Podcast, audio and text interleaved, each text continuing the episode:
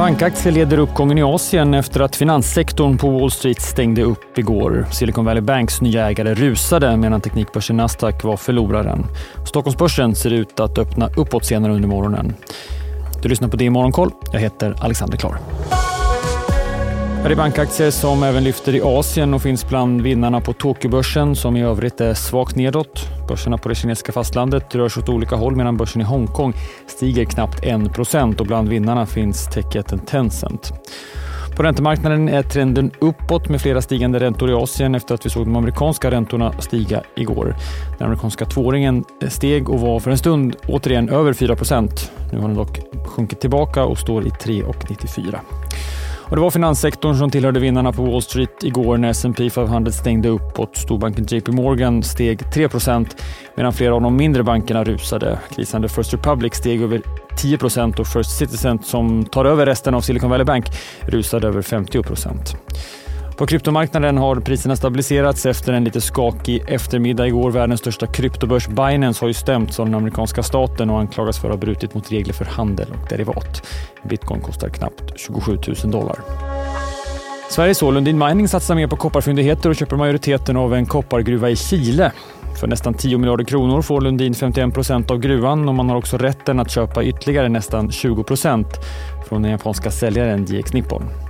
Enligt Lundin Mining så ökar förvärvet bolagets kopparproduktion med 50 procent om vi ser till produktionen i fjol.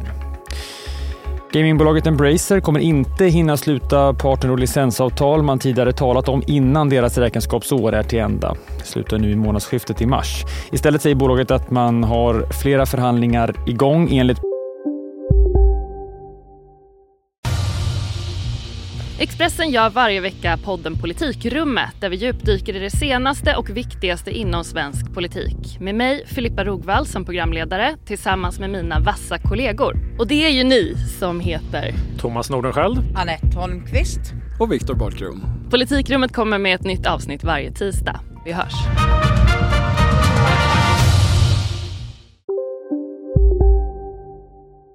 Plan men att avtalen, som man beskriver som transformativa, blir klara först under bolagets Q1, alltså april till och med juni.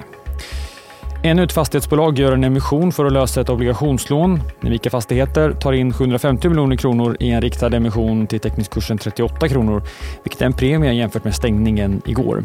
De som lämnas utanför emissionen späs ut med drygt 25 procent. Vi avslutar som vanligt med att titta på dagens agenda och det är flera kapitalmarknadsdagar idag.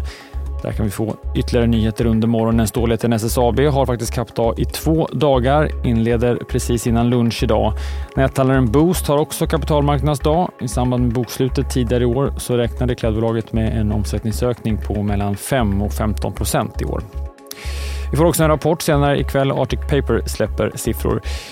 Igår fick vi också statistik som visar att låneökningstakten fortsätter att minska samtidigt som den totala lånestocken nu minskar.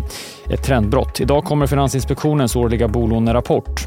I rapporten i fjol så flaggade FI för att de flesta nya bolånetagare visserligen har tillräckliga marginaler för att klara att betala sina lån i en sämre ekonomisk situation, men skrev då att eftersom flera nya låntagare har tagit större bolån i förhållande till sin inkomst så är de känsligare för stigande räntor högre än tidigare. Man skriver också att var tionde bolånetagare inte klarar en ränta på 7% från USA får vi även lite makrostatistik idag, både gällande utvecklingen för huspriserna där, men också konsumentförtroende. Hushållens förtroende har dämpats de senaste månaderna och väntas nu fortsätta ned i mars. Det avslutar det i Morgonkoll. Följ oss för alla de senaste nyheterna och missa inte heller Börsmorgon kvart i nio som idag gästas av Kinneviks VD Georgi Ganev. Programmet kommer ju också som podd klockan 11 på förmiddagen. Vi hörs igen imorgon. Jag heter Alexander Klar.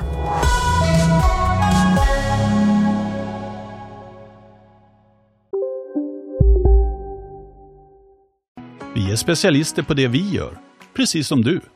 Därför försäkrar vi på Swedea bara småföretag, som ditt. För oss är små företag alltid större än stora och vår företagsförsäkring anpassar sig helt efter firmans förutsättningar.